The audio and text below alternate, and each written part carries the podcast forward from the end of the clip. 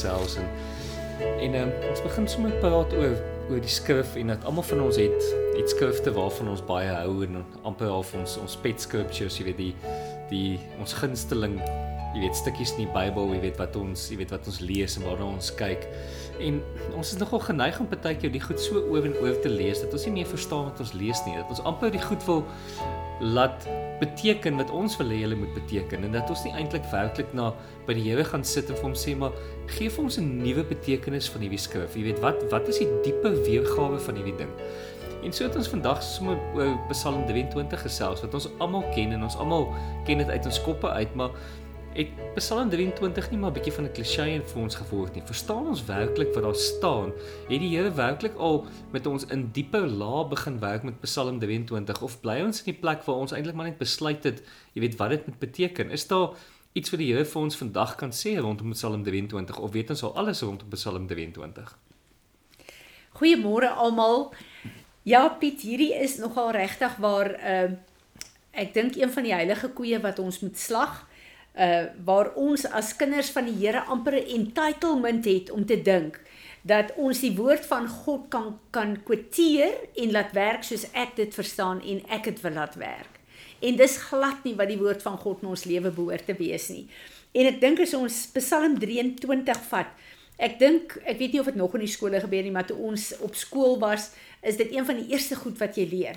Die Onse Vader gebed en die Psalm 23. Maar dan sit 'n ritueel wat by jou bly en een van jou uh goed is wat jy uit jou kop uit kwoteer want jy moes dit op skool al geleer het.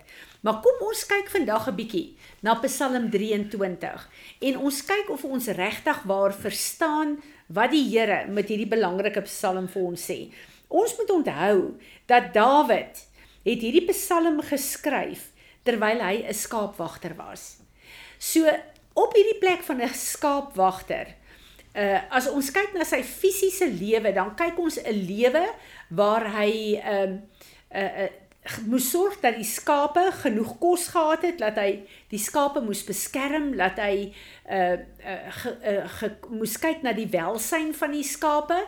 Um, ja, en dat hy uh letterlik die skape onder sy beskerming moes gehad het. Nou moet julle weet, hier is die plek waar hy as ons kyk na die ander psalms ook, waar daar wilde diere was. Daar was leeu's gewees. Daar was beere gewees. Hy moes man alleen daai goed aanvat en beklei en die skape ehm uh, beskerm teen hulle. So as ons lees Psalm 23, dan wil ons graag die groen weivelde en die goed sien en ons dink hierdie is 'n wonderlike Psalm wat Dawid geskryf het wat uh, alles gaan net goed. Dit was die wonderlikste tyd wat hy 'n skaapwagter gehad het daar. Want ons sien al hierdie psalms. Maar kom ons kyk 'n bietjie regtig waar. Wat het Dawid bedoel toe hy hierdie psalm geskryf het? Ek lees vir ons uit die Amplify. The Lord is my shepherd to feed, to guide and to shield me. I shall not lack. Dawid het geweet dis omdat God sy herder is en vir hom voorsien het in elke probleem wat hy met die skape gehad het dat hy vir die Here kon sê u is die perfekte herder. Want omdat Dawid 'n perfekte herder in die Here gehad het wat hom geleer het, kon hy 'n goeie herder met die skape gehad het, gewees het. He makes me lie down in fresh tender green pastures. He leads me beside the still and restful waters. Hierdie is seker die wonderlikste 'n uh, 'n plek wat 'n skaapwagter in die fisiese kan wees. Maar Dawid het ook geweet in sy verhouding met die Here, maak nie saak hoe moeilik dit was om hierdie skape baie keer te beskerm nie. Hy was die Here was by hom gewees en daarom was dit soos uh, tender new grass pastures en stil waters. Dit was vir hom 'n plek van in die rus van die Here gewees, selfs al het hy aanvalle gehad. He refreshes and restores my life, myself. He leads me in the paths of righteousness, uprightness and right standing with him. Not for my earning it, but for his name's sake. Nou as ons kyk na refresh and restore my life, dan klink dit vir ons so goed want ons sien die refresh en die restore. Maar hoekom moes hy refresh en restore word? Want sy lewe was waarskynlik in vrees, was waarskynlik op 'n plek van uh, die mekaar wees op 'n plek van waar hy behoeftes gehad het, waar hy beskerm moes word, waar hy uh, aangeval is. So hy was op 'n plek gewees waar hy refreshing en restoring nodig gehad het. En dis nie 'n goeie plek om te wees nie. So wat het met Dawid gebeur voordat hy hierdie goed kon gesê het? Ons kyk net na hierdie mooi prentjie van restore en refresh, maar die Here moes hom kom uh heel maak dit weer, hom kom herstel het weer omdat hy nie op 'n plek van herstel was nie. Hy was nie op 'n plek waar hy uh fris was nie. Hy was waarskynlik moeg en afgemat geweest soos wat ek en jy ook in ons elke dag se lewe kom wat jy op 'n plek kom, die Engelse het 'n mooi woord om te sê waar jy sê nou se ek fed up vir alles. So dis waarskynlik wat Dawid was. Hy was fed up vir alles geweest en die Here moes hom kom herstel. Die Here moes hom kom verfris. Yes, though I walk through the deep sunless valley of the shadow of death, I will fear or dread no evil, for you are with me. Your rod to protect me and your staff to guide me. They comfort me. Kan julle hoor wat ek sê? Dawid het gesê, die Here kom hom refresh omdat hy op 'n donker plek was. Vrees was deel van sy lewe gewees. Daar was onheil wat hom bedreig het. Daar was 'n uh, selfs 'n plek waar hy in die skaduwee van die dood was. Dit wil sê sy lewe was in gevaar gewees op hierdie plek. En omdat hy daar was, het hy geleer die Here kan hom herstel en die Here kan hom refresh. So vir Dawid was nie maanskyn en rose agter Psalm 3 uh, eh, agter die skape in Psalm 23 nie. Hy het 'n moeilike lewe gehad as skaapwagter. En dan kom hy, hierdie is so 'n belangrike plek. You prepare a table before me in the presence of my enemies. You anoint my head with oil, you my brimming cup runs over. Hierdie hele sinnetjie hier is nou vanuit die plek waar hy was in die skaduwee van die dood, 'n uh, 'n plek waar onheil hom aangeval het, 'n plek waar hy beskerming nodig gehad het, 'n plek waar wat donker was, da, dit was sonder son gewees, dit was sonder lig gewees, the shadow of death. Hy kom en hy sê wie het hom op daai plek ingebring? Hy sê vir die Here, "You have prepared a table before me in the presence of my enemies." So wat Dawid hier sê, is hy was in die skaldal van dood geskare weer. Hy was op 'n plek waar onheil hom wou verdelg. Hy was so bevrees op daai plek gewees, maar die Here het daai tafel, daai donker plekke vir hom voorberei. Want God wou homself openbaar aan Dawid en God wou vir Dawid self sodat hy in oorwinning kan kom. So God het die gevegte geroep na Dawid toe. Maar hy voor Dawid in die plek, hier is die leeu en die beer en al hierdie onheil. In daai plek is daar 'n tafel voor Dawid met die volheid van die Here. Alles wat hy nodig gehad het vir elke geveg, het die Here op 'n tafel vir hom gedek. Maar God het die gevegte geroep en gesê kom. Ek wil hê julle moet Dawid kom aanval. Ek wil hê hierdie aanvalle moet oor hom kom want ek wil vir Dawid wys wie is sy God. Ek wil vir Dawid wys alles wat hy nodig het om uit hierdie gevegte uit te kom is op hierdie tafel en hy kan my vra en ek sal met my staf en met my raad sal ek hom beskerm in die eerste plek maar ek sal hom ook lei hoe om hierdie gevegte te veg en hoe om deur hierdie gevegte as 'n oorwinnaar te kom. Psalm 144 vers 1 sê, het Dawid gesê, U het my vingers geleer hoe om die gevegte te veg.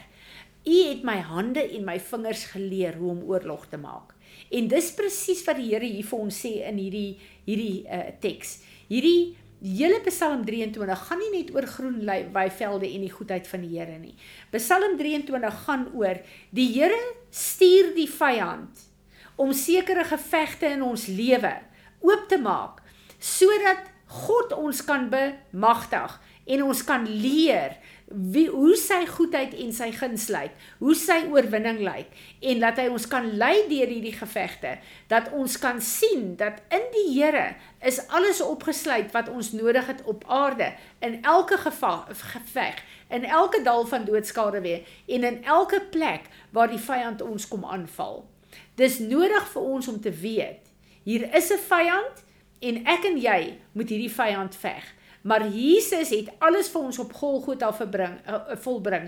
So ek en jy het alles in die woord van God om elke liewe geveg wat nou ons toe gestuur het. En nie net onthou baie keer dan kom ons en ons sê die duiwel het my aangeval. Ja, dis die waarheid. Maar wie die duiwel gestuur om jou aan te val? Ons wil nie graag weet dat God vir ons daai tafel dek en dat God eintlik die vyand stuur om ons te toets nie.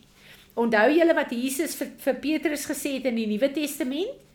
Petrus, die duiwel het gekom om jou te sif, maar ek het vir jou gebid.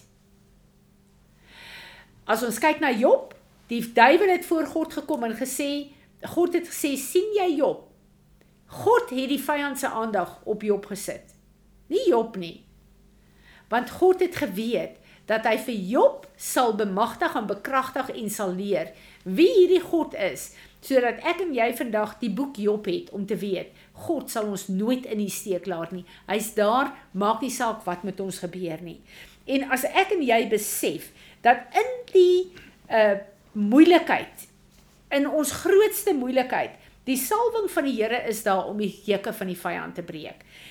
Hy kom en hy sê surely only goodness and mercy and unfailing love shall follow me all the days of my life through the length of my days the house of the Lord shall be my dwelling place. Dit is wat Dawid geleer het hier. Dat te midde van al hierdie goed, die goedheid en die genade van God en God se God se onfeilbare liefde vir my en jou is daar vir al die dae van ons lewens. En in hierdie proses deur Psalm 23 en die psalms wat wat Dawid moes deurgegaan het, die plekke waar hy in sy diepste benoudheid uitgeroep het na God, het hom na 'n plek gebring waar hy afsluit in Psalm 23 uh his presence shall be my dwelling place. En dit is die begin van Psalm 91 wat almal so graag quoteer.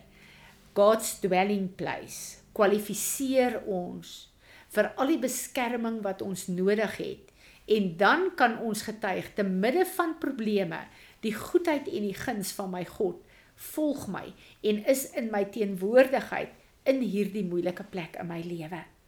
Mag die Here ons help dat ons sy woord verstaan soos wat hy het geskryf het en dat sy woord nie vir ons 'n klisjé en 'n kragtige 'n favorite scripture word nie, maar dat dit 'n krag in ons lewe sal word, 'n toerusting in ons lewe en dat ons dit sal verstaan en toepas soos wat hy toegelaat het dit geskryf word vir my en jou. Vader, dankie dat ons weet as ons kyk na wat U vir Dawid geleer het. U het vir Dawid hierdie goed geleer om dit vir ons neergeskryf te hê. Ons het die geskrewe woord vandag. En ek bid dat die geskrewe woord van God vir elkeen van ons 'n lewendige realiteit sal word en dat ons sal weet Dis nie neergeskryf vir ons net om te lees en in te rejoice nie. Dis neergeskryf as 'n wapen en 'n woord en 'n krag wat ons kan gebruik om ons eie lewe kragtig en effektief as 'n wapen in die hand van ons God te maak. Help ons asseblief. Leer ons asseblief. Here Jesus, dankie dat U die woord kom bekragtig het op Golgotha, maar so ook op ons eie lewens. Word verheerlik deur ons toepassing daarvan. Amen.